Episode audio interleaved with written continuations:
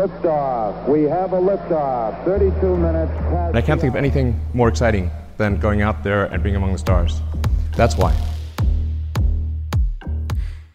Direktøren for Ruslands rumprogram siger, at beslutningen om at trække sig fra den internationale rumstation allerede er truffet. Så betyder det, at Rusland nu er ude af samarbejdet om rumstationen, som udenlandske og danske medier har skrevet. Short answer is no. Uh, Russia is not pulling out, pulling out from the International Space Station at all at this point. Nej er det korte svar fra en russisk rumfartsjournalist, som jeg talte med i går. Du lytter til den nye rumalder på Radio 4, hvor vi også i dag skal omkring en New Zealandsk raketvirksomhed, som tirsdag nat greb en rumraket med en helikopter. Og så skal vi se på knivskarpe billeder fra webteleskopet. Du kan som altid sms ind undervejs i udsendelsen ved at skrive ind til nummeret 1424. Skriv gerne ind med dine spørgsmål og kommentarer, og skriv også gerne, hvorfra i landet du sender din sms og hvad det er, du hedder. Mit navn er Thomas Schumann. Velkommen til den nye rumalder.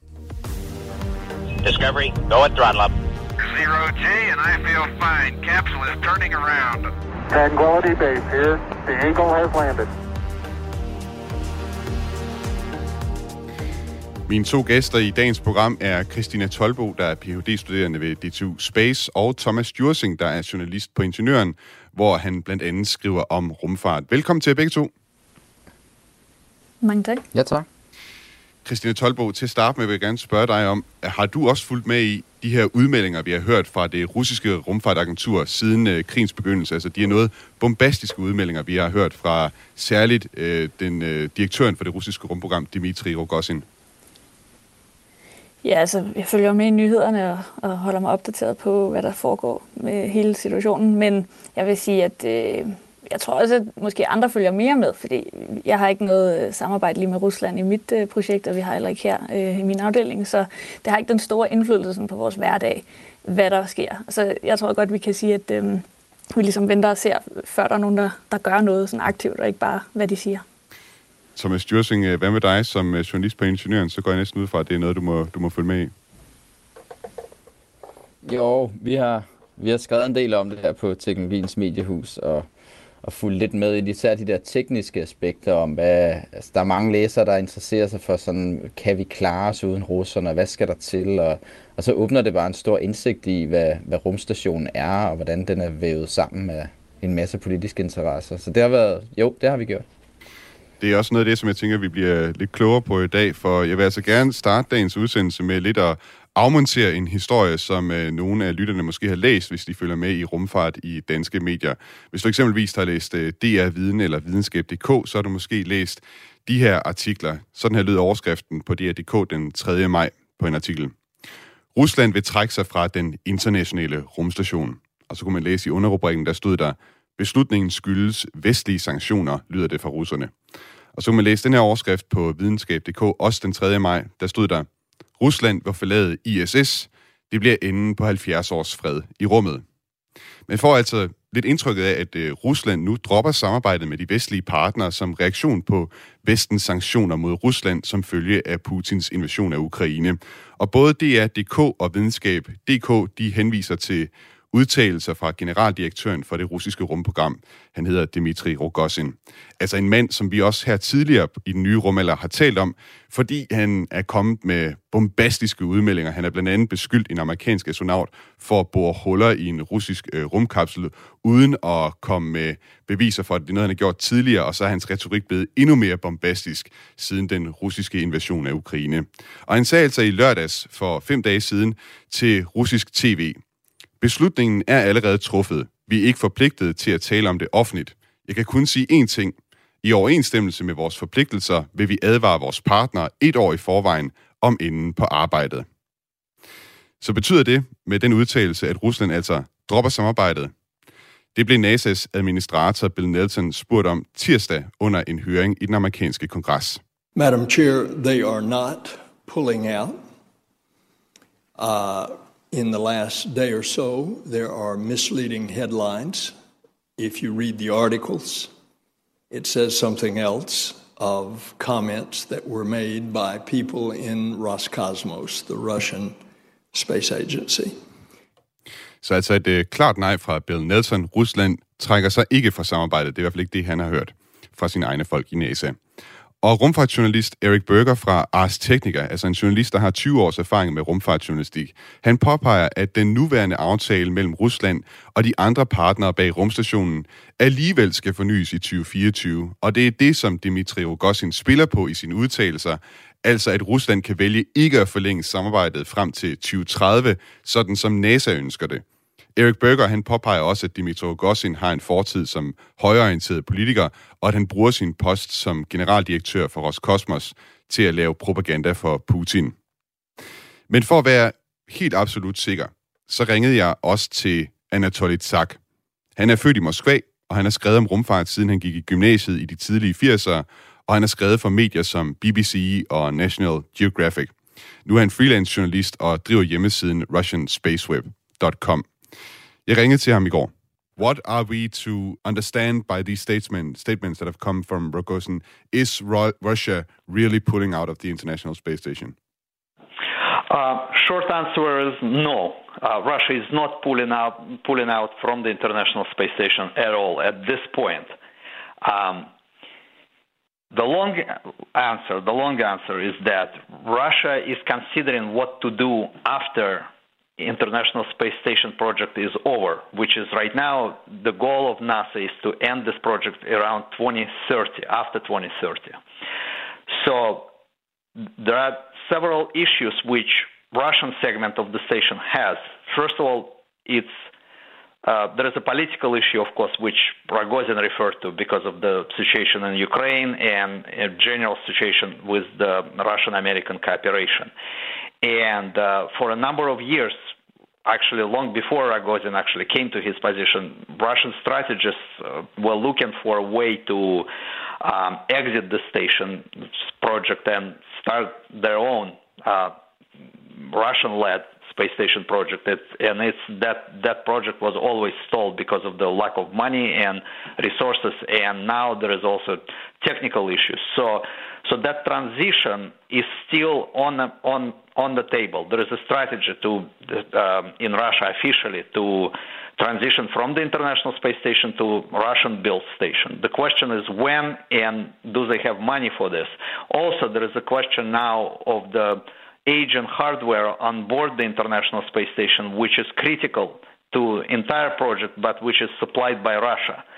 So, in case those critical elements of the station, which are supplied by Russia, fail, then the station cannot operate unless NASA provides um, technical replacement. So that's at the core of this issue, not the political decision of Russia to withdraw. They they want to withdraw. They they would do it if they could, but they cannot right now. They don't have money and they don't have uh, technology to do this at this point. Anatoly Tak, han øh, siger her, altså det korte svar på spørgsmålet om Rusland trænger sig ud af ISS, det er nej. Hvis man så kigger lidt længere ned i det, så kan man se, at Rusland faktisk i lang tid har haft en strategi om, at man gerne vil trække sig fra samarbejdet omkring den internationale rumstation. Der er problemet så for Rusland, at øh, det russiske rumprogram ikke har haft penge nok til at lave en selvstændig rumstation, som man ellers gerne vil lave. Der er også et spørgsmål omkring hardwaren op på øh, rumstationen. Den hardware, som der er på den øh, russiske del, som efterhånden er ved at være gammel. Det kan være en teknisk udfordring, som kan gøre, hvis nu at det hardware går i stykker, at man simpelthen bliver nødt til at droppe rumstationen, med mindre NASA altså går ind og erstatter det med noget andet. NASA har et ønske om at fortsætte rumstationen frem til 2030, og der har det altså i Rusland i, i lang tid været, en, været nogle overvejelser om, om man her når at den samarbejdsaftale, der er mellem øh, NASA og Rusland og de andre partnere i ISS, når den øh, skal genforhandles i 2024, om Rusland så der skulle trække sig. Jeg spurgte, hvad Anatoly Tsaks vurdering er af Ruslands deltagelse i den internationale rum- rumstation, når vi så kommer frem til 2024, hvor samarbejdsaftalen om rumstationen den udløber. So essentially all critical elements of the uh, International Space Station, which were developed and built by Russia. They are certified to fly until 2024. Russian engineers and the Russian industry is right now working to extend um, the operation of the all those parts beyond 20, 2024 until 2030. all that requires, first of all, money. It requires to purchase equipment, to procure all kinds of uh, hardware. Um, some of it has to be delivered to the station. Some of the things have to be upgraded on the ground in order for the Russian elements of the station to operate beyond 2024. Um, Russian industry is working on this issue. However, there are a number of uh, kind of uh, factors which are very hard to predict. For example, um, operation of um, uh, systems on board the International Space Station which cannot be replaced. For example, the engines, propulsion system, which is supplied by, it's a part of the Russian segment, it's, it's maintained by Russia, and it's impossible to replace it or, or um, even to, to create major to do major repairs on board of this. So if that fails, it creates a big problem for the entire station.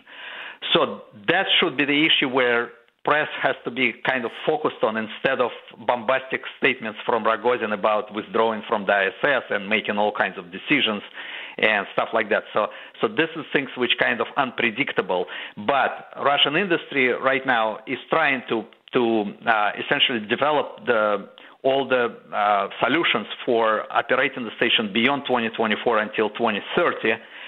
Uh, but that the success of this work will depend, first of all, of course, on the budget and on on ability of the engineers to, uh, you know, resolve all the technical problems with beyond engines. There are life support system.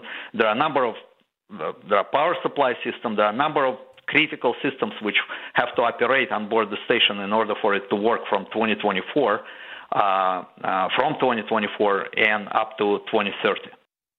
Anatoly Tak, han øh, siger her, at øh, den hardware, der er ombord på den russiske del af rumstationen, den er altså certificeret til at fungere frem til 2024, men det er sådan, at russiske ingeniører rent faktisk arbejder på løsninger, som kan gøre, at den her hardware kan fortsætte frem til 2030, som også er det ønske, NASA har. Det er så godt nok noget, der kræver penge, at man øh, kan gøre det, og som sagt, det russiske rumprogram er ikke det program i verden, der har de allerflest penge. En ting, som man skal holde øje med, mener Anatoly Tak, det er sådan noget som motorerne på, ombord på den russiske del af rumstationen. Det er dem, der sørger for, at øh, rumstationen den bliver ved med at flyve i kredsløb. Hvis de holder op med at fungere, så vil det være et stort problem, og kan være noget af det, som fører til, at man altså vælger at skrotte rumstationen. Og det er egentlig det, han mener, at øh, pressen skal holde øje med. Han siger, at den, som sagt, at den russiske industri faktisk arbejder på at, at sørge for, at man kan få rumstationen til at fungere frem til 2030, men det afgørende, den afgørende faktor her, det er altså penge på, øh, på det spørgsmål. På Twitter, der har jeg gjort øh, det her viden og videnskab.dk opmærksom på, at der nok er nogle nuancer i de her historier om øh, Ruslands øh, deltagelse i rumstationen, som deres artikler ikke har med, og, og som jeg mener er vigtige. De er endnu ikke vendt tilbage, og deres artikler de ligger fortsat online. Christina Tolbo, hvorfor kan den ene part, Rusland i det her tilfælde, ikke bare sådan uden videre stoppe samarbejdet omkring den internationale rumstation fra den ene dag til den anden? Jamen, den er netop på grund af, at de er så integreret. Øh, de dele af rumstationen har forskellige fokusområder. Så for eksempel, som du selv nævner, så har det russiske, de russiske moduler motorerne, og så har øh, hvad hedder det amerikanske i højere grad life support eller øh, power generation. Og på den måde så er de ligesom afhængige af hinanden i de to ender af rumstationerne. Øh, det er jo også meningen, det skulle være sådan. Det var et samarbejdsprojekt, så man ville jo gerne have, at man ikke bare kunne koble den over på midten og så splitte op i to, for så havde man jo nok aldrig rigtig kunne bygge den. Den er jo også bygget i konflikttider. Altså, vi har aldrig nødvendigvis haft så godt et forhold mellem USA og Rusland. Så, så det er faktisk med vilje, at man har integreret den i så høj en grad.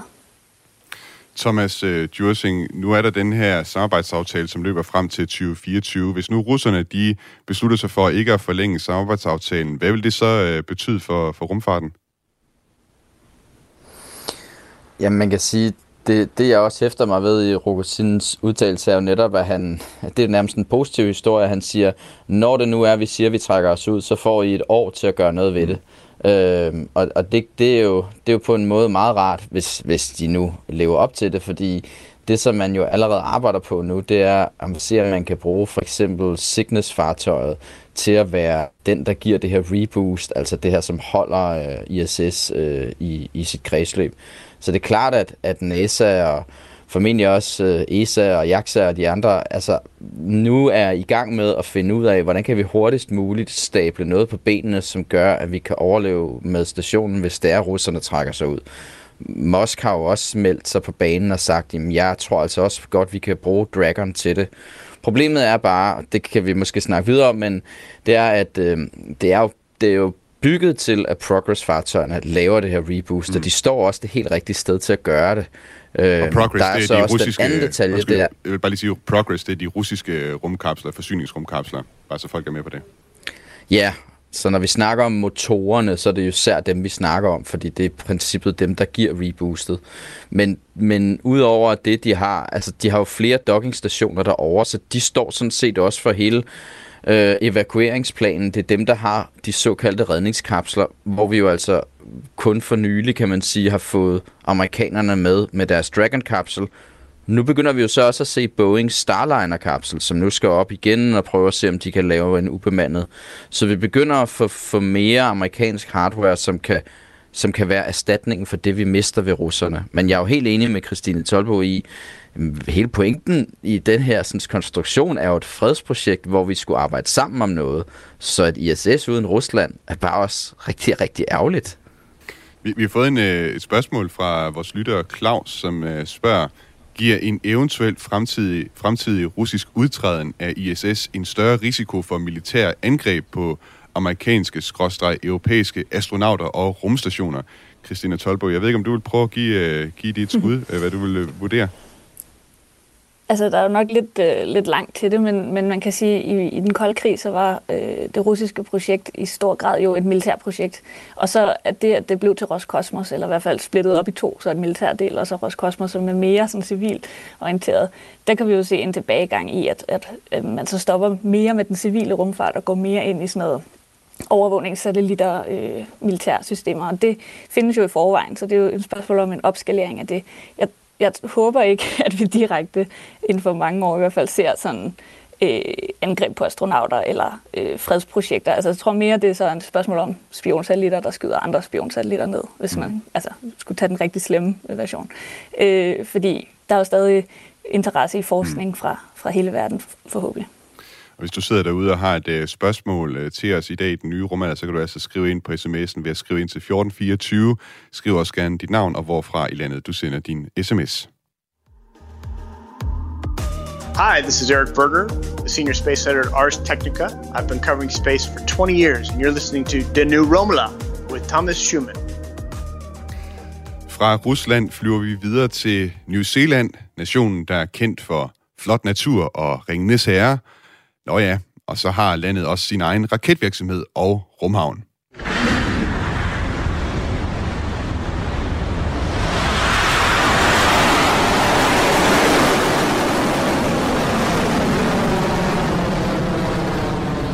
Raketvirksomheden Rocket Lab har siden 2018 sendt satellitter i rummet fra New Zealand på sin miniput raket Electron, som altså kan sende 300 kilo i rummet. Til sammenligning så kan SpaceX's Falcon 9 sende 22 tons i kredsløb om jorden. Ligesom SpaceX så arbejder Rocket Lab med genbrug, men de er altså ikke noget helt lige så langt, som de har gjort over hos SpaceX, og de har også valgt en lidt anden strategi end øh, den måde, som SpaceX lander deres raketter ud på landingsplatforme til søs eller på land. Mandag der sendte Rocket Lab en mission af sted, som virksomheden havde valgt at kalde There and Back Again, selvfølgelig med reference til bogen og filmen Hobbiten, der har undertitlen There and Back Again – og filmen blev ligesom Ringnes Herre også optaget på New Zealand, så man kan sige, New Zealanderne, de har virkelig forstand på branding. Raketten tog afsted, og da brændstoffet i den nederste del af raketten, det man kalder det første trin, da brændstoffet der var brugt op, så koblede det første trin sig fra det andet trin, som altså fortsat ud i rummet. Det første trin faldt så ellers ned mod jorden igen og skulle overleve den intense varme, der opstår, når en raket rammer jordens atmosfære med flere tusinde kilometer i timen. Men den overlevede det, og da den kom ned i den tykkere atmosfære, så udløste den en faldskærm, og så skete det her.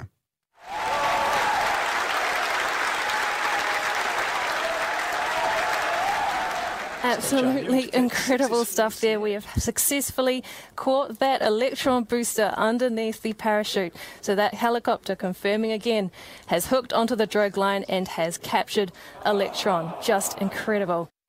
Ja, i små to kilometers højde, der fangede Rocket Lab altså første trinet på sin Electron-raket med en helikopter. Og fra helikopteren, der hang der en wire med en krog for enden, som altså greb fat om faldskærmens liner. Men kort efter, at helikopteren havde grebet raketten, så bemærkede piloten, at raketten ikke helt opført sig, som den havde gjort under test, så de valgte at frigøre raketten og lade den falde ned i havet, hvor den så senere blev samlet op af en båd. Meningen med manøvren, den var ellers, at helikopteren skulle gribe første trinet og transportere den tilbage til land eller på et skib, så den ikke røg i vandet og dermed ikke blev udsat for saltvand.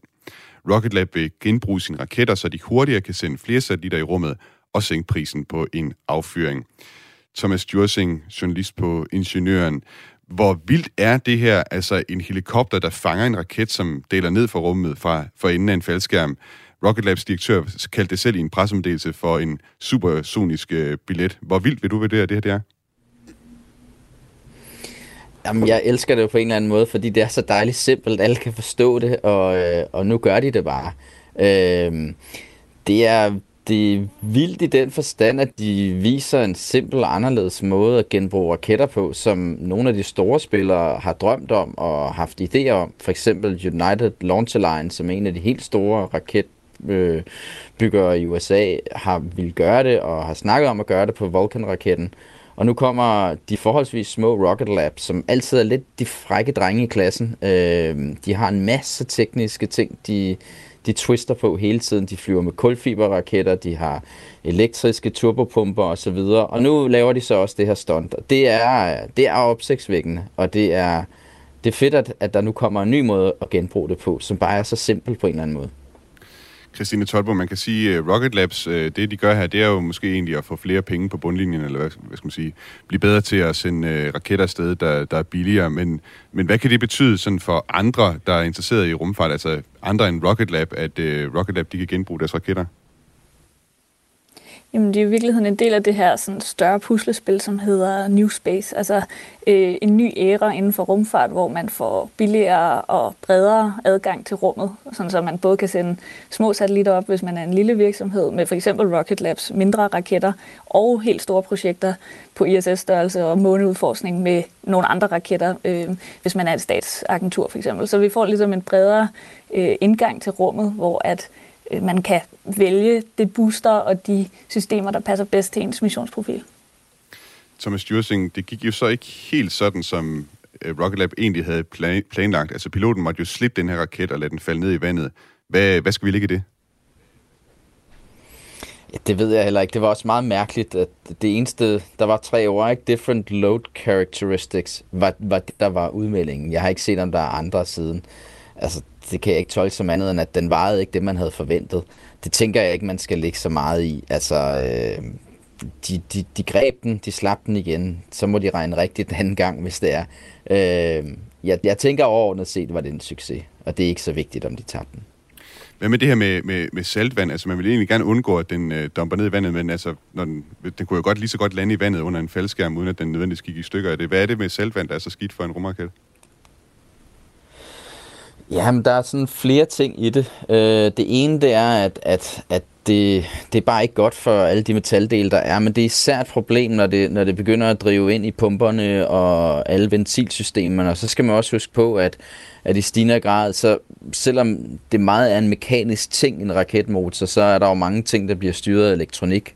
Så det svarer lidt til, at du tager din bil og lige kører den, øh, kører den igennem en sø og så op igen, og så ser, hvordan den fungerer det er også langt hen ad vejen en mekanisk ting, men der er en masse elektronik, og det, det er, man har bare vurderet, at det vil simpelthen være for omkostningsfuldt at skulle rense alle delene og få det til at fungere igen. Så man er nødt til at finde en måde at genbruge det på, fordi saltvandet smadrer, det, smadrer delene for meget simpelthen. Øhm, der har været mange øh, tanker og idéer og forsøg på, hvordan man kunne... Det er jo ikke, det er vigtigt at forstå, det er jo motorerne, man gerne vil beskytte. Og når for eksempel jeg sagde før, at United Launch Alliance også gerne vil gøre det her trick, mm. så er de mhm. faktisk tænkt sig, at det kun er motorerne, der bliver skudt ud mm. af mhm. raketten, for det er dem, de gerne vil redde. Og man har haft tanker om, hvorvidt man måske kan lukke fra for dyserne, sådan, mm. så der ikke kommer vand ind i det, i, lige inden de rammer vandet og så videre. Men, men man er bare vendt tilbage til, at vi er nødt til at sørge for, at det ikke rører det vand, for det er gift for vores raketmotor. Vi skal om lidt se på nogle af de øh, første knivskarpe billeder, som vi har fået fra verdens største rumteleskop, webteleskopet, som er næsten klar til at gå i gang med sin videnskabelige undersøgelse af universet. Ingeniørerne bag teleskopet siger, at det fungerer bedre end selv de mest optimistiske forventninger. Jeg har talt med en dansk forsker, der arbejder på teleskopet. Tranquility Base here. The Eagle has landed. I believe our future depends powerfully on how well we understand this cosmos in which we float like a mote of dust in the morning sky. Ingeniørerne bag verdens største rumteleskop, Webb, siger, at teleskopet fungerer bedre end selv de mest optimistiske forventninger, de havde. Og for nylig, der kunne vi så se de første knivskarpe billeder af stjernerne i Mælkevejen, som teleskopet har taget. Du lytter til Den Nye Rumalder. Mit navn er Thomas Schumann, og mine gæster i dag er Christina Tolbo, der er phd studerende på DTU Space, og Thomas Djursing, der er journalist på Ingeniøren og som skriver om rumfart. Du kan som altid i programmet sms ind, hvis du har spørgsmål eller kommentarer. Skriv ind til nummeret 1424. Skriv også gerne, hvad du hedder og hvorfra i landet du sender din besked. Velkommen til Den Nye Rumalder. Houston Discovery, go ahead. Discovery, go at throttle up. And Discovery Houston, we've got a good picture of Steve. Roger roll, Discovery.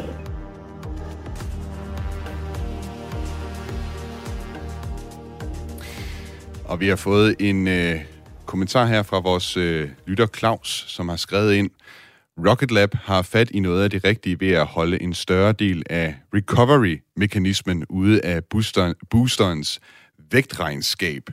Øh, Thomas Djursing. øh, der er nogle øh, begreber her, som Claus bruger, som øh, det er, hvad vi lige skal have forklaret. Hvad, har, Claus, har Claus en pointe her med, at øh, Rocket Lab altså har fat i noget, ved at de har holdt en større del af øh, recovery, recovery-mekanismen, som man kalder det, ude af boosterens vægtregnskab? Mm, ja, yeah, altså jeg, jeg har ikke de nøjagtige tal for, hvor meget det er, men man kan sige, han har jo ret i den forstand, at, øh, at du skal ikke bruge de samme styrefinder, som vejer noget. Du skal heller ikke have lige så meget brændstof med, når du skal ned. Så, så det er klart, at du behøver ikke... Øh, du, du sparer noget væk på den måde. Til gengæld så skal du altså sende en stor helikopter i luften og have et skib klar og alle mulige andre ting. Så der er en masse andre ting, der trækker i den anden retning. Øh, ja, men, men ellers er det jo rigtigt nok der er altid rigtig mange trade-offs i forhold til, hvordan man får det her regnskab med at genbruge raketter øh, til at gå op. Og man kan sige, SpaceX er en af de ting, som er deres sådan trade-offs, det er, at de bruger noget brændstof på at, at lande deres raketter ude på en øh, landingsplatform til søs eller, eller på land.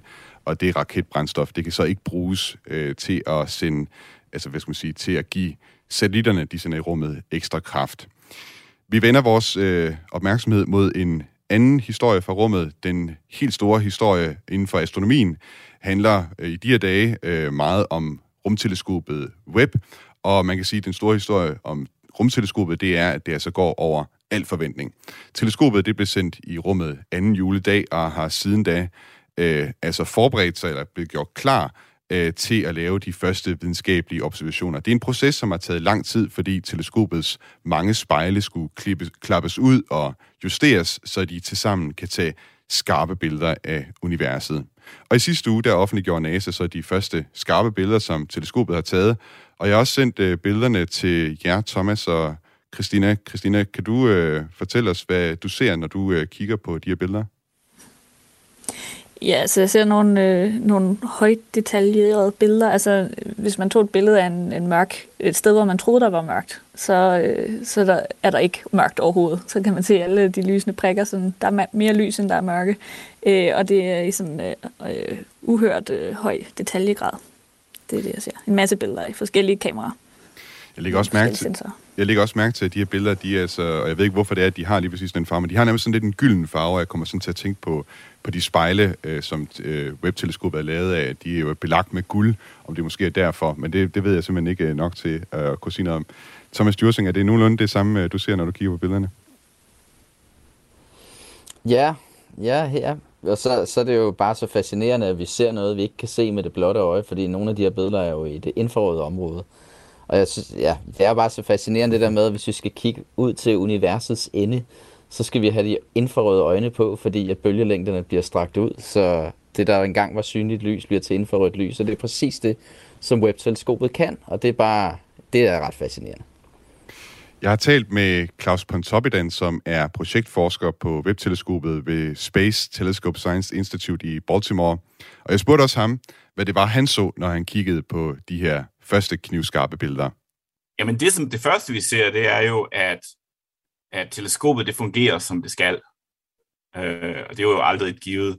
Så, så alle, der ser, alle astronomer, der ser det her, de tænker, hold kæft, hvor ser det godt ud, fordi at teleskopet det virker. Så det, det, det er den første ting. Men den anden ting, det er jo, at, at når man kan se ting, der er, er øh, man kan se ting 10 gange skarpere, øh, så kan man se detaljer, der er 10 gange finere.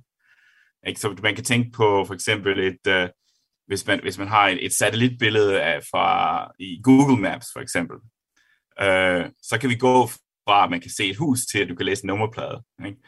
Uh, så, så det er den slags uh, kæmpe skridt, som vi kan tage med, med James Webb. Og det er det, der betyder, at vi kan, vi kan undersøge astrofysiske uh, forhold og, og forskellige spørgsmål i, i så meget større detaljegrad.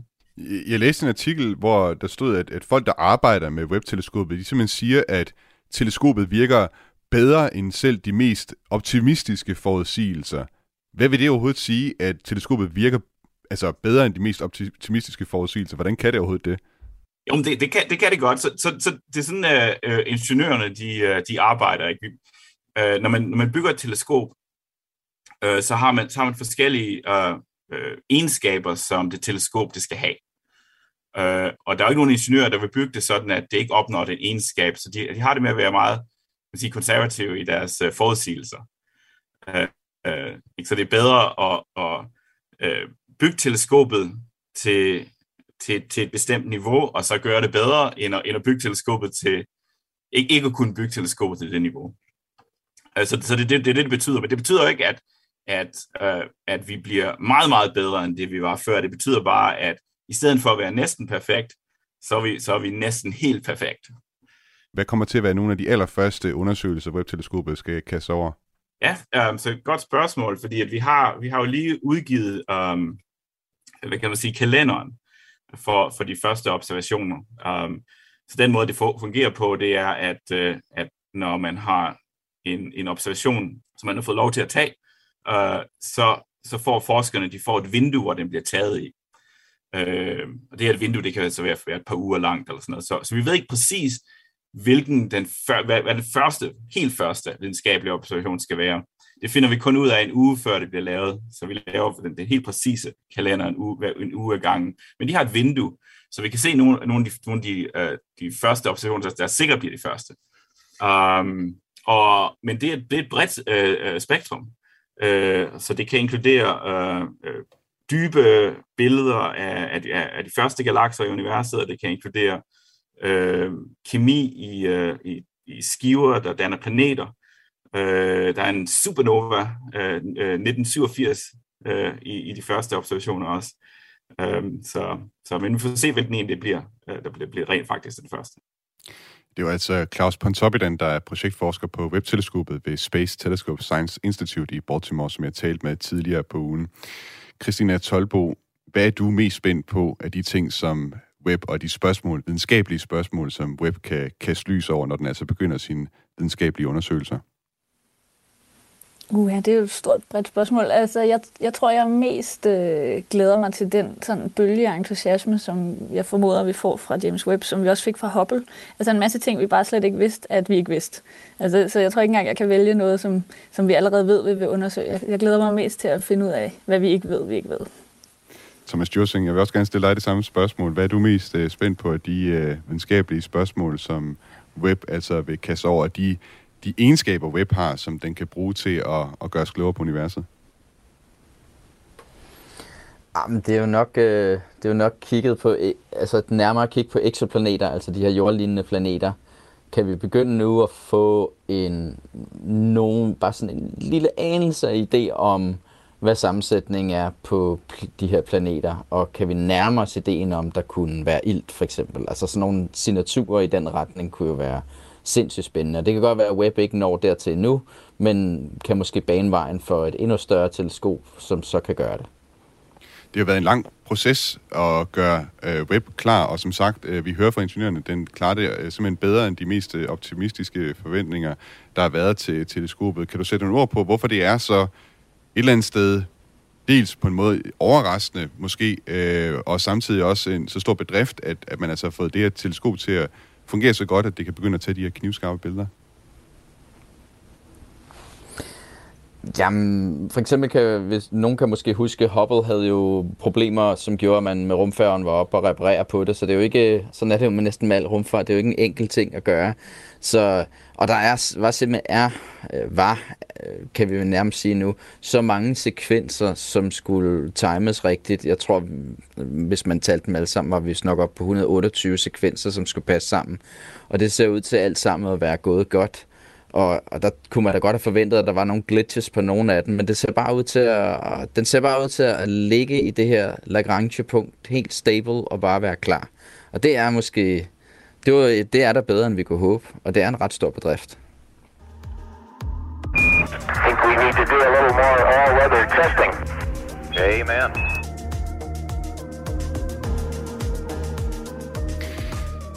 NASA og det europæiske rumfartagentur er, nu i gang, er allerede nu i gang med at planlægge, hvordan de vil hente prøver hjem fra planeten Mars.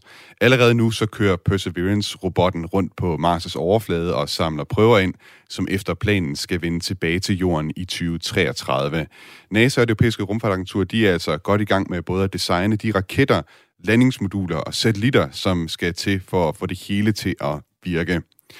Men som en del af forberedelserne, så gør NASA også noget, som jeg ikke har set dem gøre før.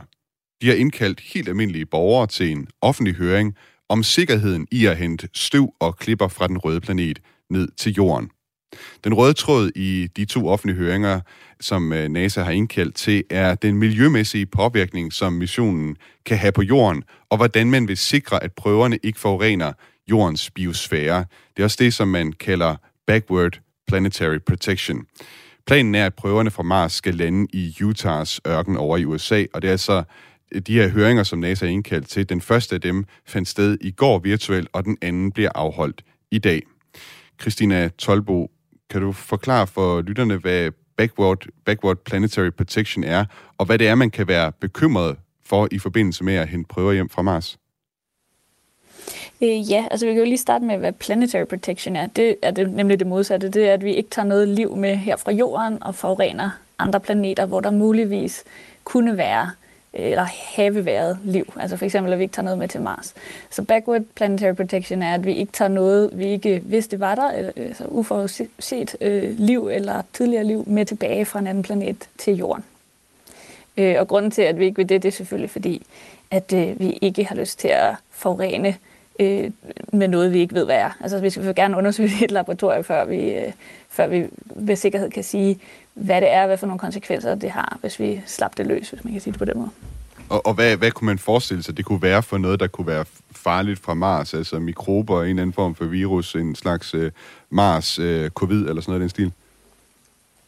Ja, altså vi skal jo lige sige, at vi har jo stadig ikke fundet ud af liv, eller fundet liv på Mars, så det er jo sådan sikkerhed med ekstra sikkerhed og ekstra sikkerhed på. Men ja, det man ville være bange for, det var ja, coronaversion Mars, eller sådan noget. Altså noget, der, der har en, en skadelig effekt, eller ændrer på livet her.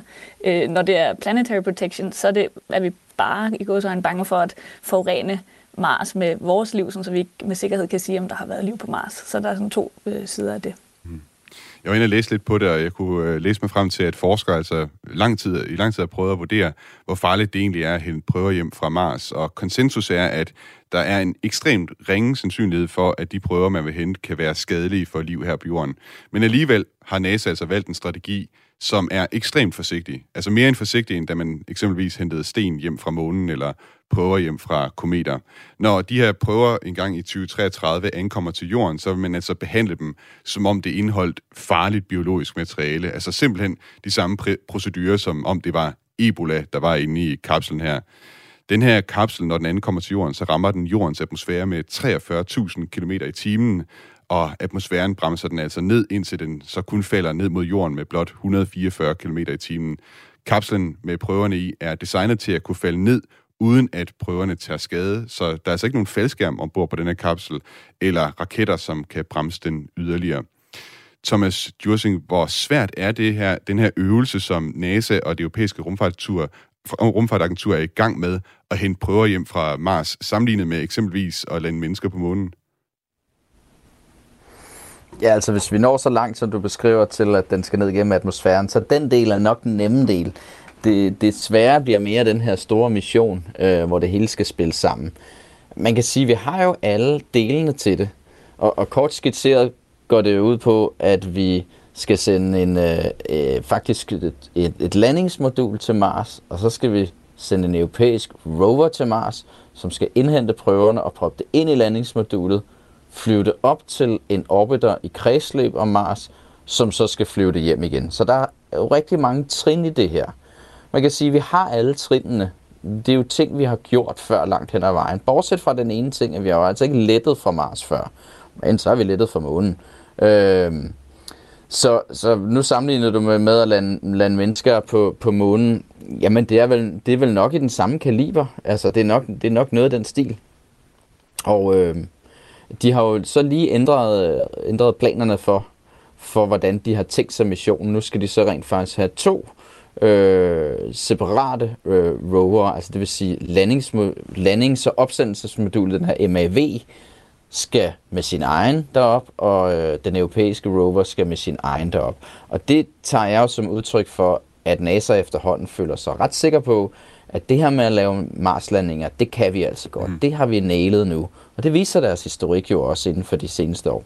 Ja, de er blevet rimelig gode til det. De er også blevet rimelig gode til at gøre det rimelig præcist. Og jeg hørte, at en af begrundelserne for, at man altså valgte at have delt det op, sådan at den der raket, som skal sendes op fra Mars, øh, er et landingsfartøj, den lander på, mens at øh, robotten, der skal hente prøverne af et andet landingsfartøj, har noget at gøre med vægten. Altså NASA er vant til at arbejde med en bestemt vægt, når det er, de lander ting øh, på Mars, og der vil man altså kunne bruge det samme igen, hvis man deler de, de, de to op. Ja.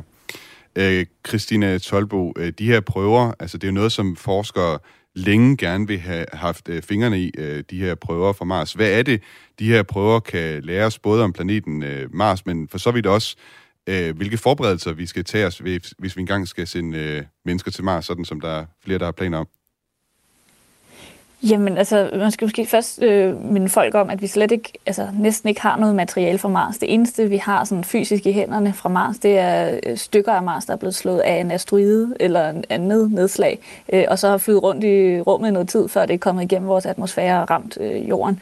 Og det vil sige, det er ikke, øh, det er ikke uberørt. Altså, hvis der havde været liv på det, så, så var det nok dødt, og det har også blevet brændt igennem atmosfæren. Så det, som en Mars Sample Return kan give os, det er noget uberørt, noget uændret, øh, Mars-materiale, som vi kan undersøge for både sammensætning med meget bedre instrumenter, end vi kan lave til, til rummissioner. Selvom de er også rigtig gode i deres størrelsesforhold, så skal vi ligesom bruge et rigtig stort laboratorie for at virkelig kunne lave nogle store undersøgelser. Ja, det... øhm, og så for Ja, undskyld. Jeg bare, vil bare kommentere at, sige, at de der instrumenter, vi har sendt op på de her robotter, altså, de, de kan jo slet ikke måle sig med, med de instrumenter, vi har nede på laboratorierne her, her på jorden. Nej, selvom de er state of the art, det er bare, når man skal lave noget til rumfart, så skal det både være småt og let og klare stråling og kulde, og, og så kan man altså bygge det lidt, lidt mindre. Så vi, vi vil gerne have de her øh, prøver med tilbage til jorden, for endelig at kunne bekræfte, om der var liv eller ikke i de prøver. Og det vil jo så sige, hvis der er liv i de prøver, så kan vi jo sige, at der er liv på Mars. Men hvis der ikke er liv på de prøver, så kan man jo ikke sige, at der ikke er liv på Mars. Der har man bare udelukket, at der var der i de prøver, vi tog, som jo stadig er rimelig stikprøveagtigt. Øh, men det vil kunne give os noget, en idé om, øh, om der har været liv, om der er liv på Mars, og så med, i forhold til det her med at sende astronauter derop en dag, vil det også kunne give os noget information om, hvordan vi kan bygge baser af Marsjord for eksempel, og hvad for nogle, øh, hvis vi skal prøve at gro noget i Marsjord en dag. Øh, men det er sådan lidt mere langsigtet. Livet er det største formål, som vi lige kigger efter. Det er i hvert fald øh, noget, som kommer til at blive øh, spændende at blive ved med at følge med i, også fordi det jo netop har så lange udsigter, at de regner med, at det første er i 2033. Det bliver også spændende at se, om der er nogle andre, der når at komme derop for inden. Jeg ved i hvert fald, at øh, SpaceX, deres egne optimistiske planer er jo, at de kan nå derop en gang inden 2030. Jeg vil gerne lige øh, have til sidst vende tilbage til NASA's administrator Bill Nelson og en historie om ham, som har vagt opsigt, da han tirsdag var indkaldt til høring i den amerikanske kongres for at svare på spørgsmål fra senatorerne. NASA, øh, grund til, at han var derinde, det er, fordi han skulle svare på spørgsmål om, at NASA gerne vil have penge til at lave en ny udbudsrunde på et øh, månelandingsfartøj, så NASA kan få endnu et fartøj ud over SpaceX's Starship, som allerede har vundet den første udbudsrunde. Og her der sagde Bill Nelson, Bill Nelson altså noget, som vagt en del opsigt i rumfartmiljøet, da han øh, slog et slag for de såkaldte fixed price kontrakter. You get it done with that competitive spirit, you get it done cheaper, and that allows us to move away from what has been a plague on us in the past, which is a cost plus contract. Christina Tolbo, øh, Bill Nelson, han siger altså, at de såkaldte cost-plus-kontrakter har været, med, har været en plage for NASA, og at de nye såkaldte fixed price-kontrakter gør tingene billigere. Det var altså noget, som øh, mange rumfartmedier de blev fat i. Rumfartsjournalist Eric Berger, han øh, skriver for Ars Technica, han skrev på Twitter, Holy shit, NASA Administrator Bill Nelson says cost-plus contracts have been a plague on us in the, past, in the past, eager to move toward fixed-priced procurement for all contracts. Wow. Christina, hvorfor vækker det så meget opsigt, at øh, altså NASA's administrator er ude og sige, at de her øh, cost-plus-kontrakter, de er en plage, og kan du prøve at forklare hvad, hvad, helt kort, hvad er sådan en slags kontrakt? Ja, altså øh, til det første spørgsmål, øh, hvorfor det vækker opsigt, det er fordi mange har beskyldt nogle af NASA's projekter, som er gået over budgettet, man skal sige, især SLS øh, Space Launch System raketten, at det skyldes de her cost plus raket, øh, hvad hedder det, kontrakter, som kort sigt går ud på, at man egentlig bare betaler mere og mere og mere og mere til, til sine leverandører. Der er, ikke, der er ikke nogen låg på prisen. Hvis man ligesom siger, ah, at vi skal også lige udvikle det her, så kan man så få flere penge. Og det gør jo så, at øh, hvis man er sådan en contractor, øh, så er der ikke rigtig noget incitament for at blive færdig, egentlig. Det er ligesom at have timelønnede folk. så det, det, det går bare ligesom løs. Og det, der er problemet med det, er jo, at... Øh, at det passer måske meget godt, hvis man skal lave en, en storstilet mission, hvor man skal være helt sikker på, at det hele øh, virker, og at øh, vi skal bare bruge så mange penge som muligt, fordi vi skal have så lav risiko som muligt. Men i det her nye miljø med new space og commercialization af rummet, så vil det måske være bedre at have sådan nogle fixed price, hvor man har, øh, I har det her, og I skal gøre det inden for det her, for netop at få den her konkurrence og flere spillere ind, som, som kan komme med bud øh, inden for en, en ramme, som er sat på forhånd. Jeg synes nogle gange, at de her begreber, de kan også være lidt øh, svære at forklare i en dansk sammenhæng, øh, og særligt hvis man ikke øh, beskæftiger sig med sådan lidt byråkratiske sager som de her kontrakter. Men jeg, jeg prøvede alligevel at lave et billede på, hvordan sådan en cost-plus-kontrakt, den, øh, den øh, fungerer. Og jeg tænker, man skal prøve at forestille sig, at man går ud og køber en bil, men i stedet for, at man går ned til bilforhandleren med et enkelt beløb, øh, så skal man i stedet for dække alle de udgifter, som, hvis det nu er en Volkswagen, så skal man dække alle Volkswagens, Volkswagens udgifter, som de har haft med at bygge samlebåndet og alle de møtrikker, som er blevet væk undervejs. Man skal endda også betale for de forsinkelser, som øh, Volkswagen har haft undervejs. Og oven i hatten, så betaler du også lidt øh, profit øh, til Volkswagen. Er, er det sådan et nogenlunde billede af, hvordan de her cost-plus-kontrakter de får, fungerer? Ja, det er jo til fordel for industrien, hvis man altså, er industrien selv. det er bare ikke så meget til fordel for ens øh, specifikke projekt. Mm. Og øh, som du nævnte, også øh, SLS, altså den her raket, som øh, NASA har været ved at udvikle, som skal sende øh, mennesker øh, til månen. Udviklingen af den raket har altså taget 11 år og har kostet NASA mere end 140 milliarder kroner. Cost Plus, det er sådan en måde, den amerikanske stat lavede kontrakter med virksomheder under 2. verdenskrig for ikke at ruinere dem, når de skulle udvikle komplicerede nye våben. Og det er altså samme måde, som NASA gik til arbejdet, da de også gav kontrakter til amerikanske virksomheder om at lave måningsfartøjet Saturn 5. Uh, øh, undskyld, uh, måneraketten Saturn 5. Men i løbet af de seneste år, der er NASA altså begyndt at lave kontrakter, som minder mere om at købe en bil, altså de her såkaldte fixed price, hvor man går ud og køber en service, og så er det ellers virksomheden, som afholder alle øh, udgifter. Det er kun service, man betaler for. Thomas Jursing, Bill Nielsen, han henviser altså til, at den konkurrence, der er mellem virksomheder, når man sender, sender ting i udbud på den her fixed price måde, at, det, at den proces har sparet den amerikanske stat rigtig mange penge. Er der noget, der tilsiger, at den her måde at lave kontrakter på vil hjælpe NASA med at komme hurtigere og billigere til månen?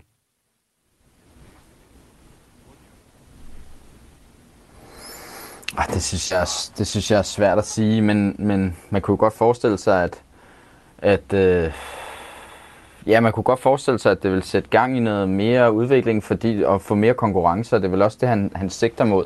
Og det vil jo gøre måske, at for eksempel Blue Origin og SpaceX øh, kunne battle mere om, hvem der skal lave den månelander. Det er jo det, Blue Origin gerne vil. Så, så men ja, det er svært at sige, synes jeg. Jeg lyttede også øh, til en, øh, en podcast øh, om rumfart, hvor der også var nogen, der sagde, at øh, den, altså SpaceX, den succes, som NASA har haft med SpaceX med at sende øh, mennesker og forsyninger op til rumstationen, at der er SpaceX måske sådan lidt en outlier, altså en, som ikke opfører sig som mange af de andre spillere, der potentielt er der i, i det her spil om at levere forsyninger til, til månen. Vi, øh, jeg vil gerne sige tak til øh, jer begge to for at have været med i den nye rumalder i dag. Altså Christina Tolbo, phd studerende på DTU Space, og Thomas Djursing, journalist på Ingeniøren. Tak fordi I var med i den nye rumalder i dag. Det var en fornøjelse. Ja, tak. A ship like no other, its place in history secured. The space shuttle pulls into port for the last time. Its voyage at an end. Den nye rumalder var tilrettelagt af Frederik Lyne, redaktør er Camilla Høj Eggers, mit navn er Thomas Schumann, og musikken, vi har brugt undervejs i udsendelsen, er lavet af T-Shot Starfish. Husk, at du kan høre alle tidligere udsendelser af den nye rumalder i Radio 4's app, hvor du også kan følge programmet og få alle opdateringer med. I løbet af sommeren så laver vi en serie om Apollo her på den nye rumalder, så hvis du har en god historie eller fun fact i forbindelse med Apollo månelandingerne, så må du endelig skrive ind til os på den nye rumalder radio4.dk. Og hvis du kan lide den nye rumalder og synes andre også skal høre programmet, så vil jeg opfordre dig til at fortælle om programmet til en ven. Tak fordi du har lyttet med til den nye rumalder i dag. Ad Astra. We should have a base on the moon, like a, a permanently occupied human base on the moon, and send people to Mars, you know, and a city, build a city on Mars. That's what we should do.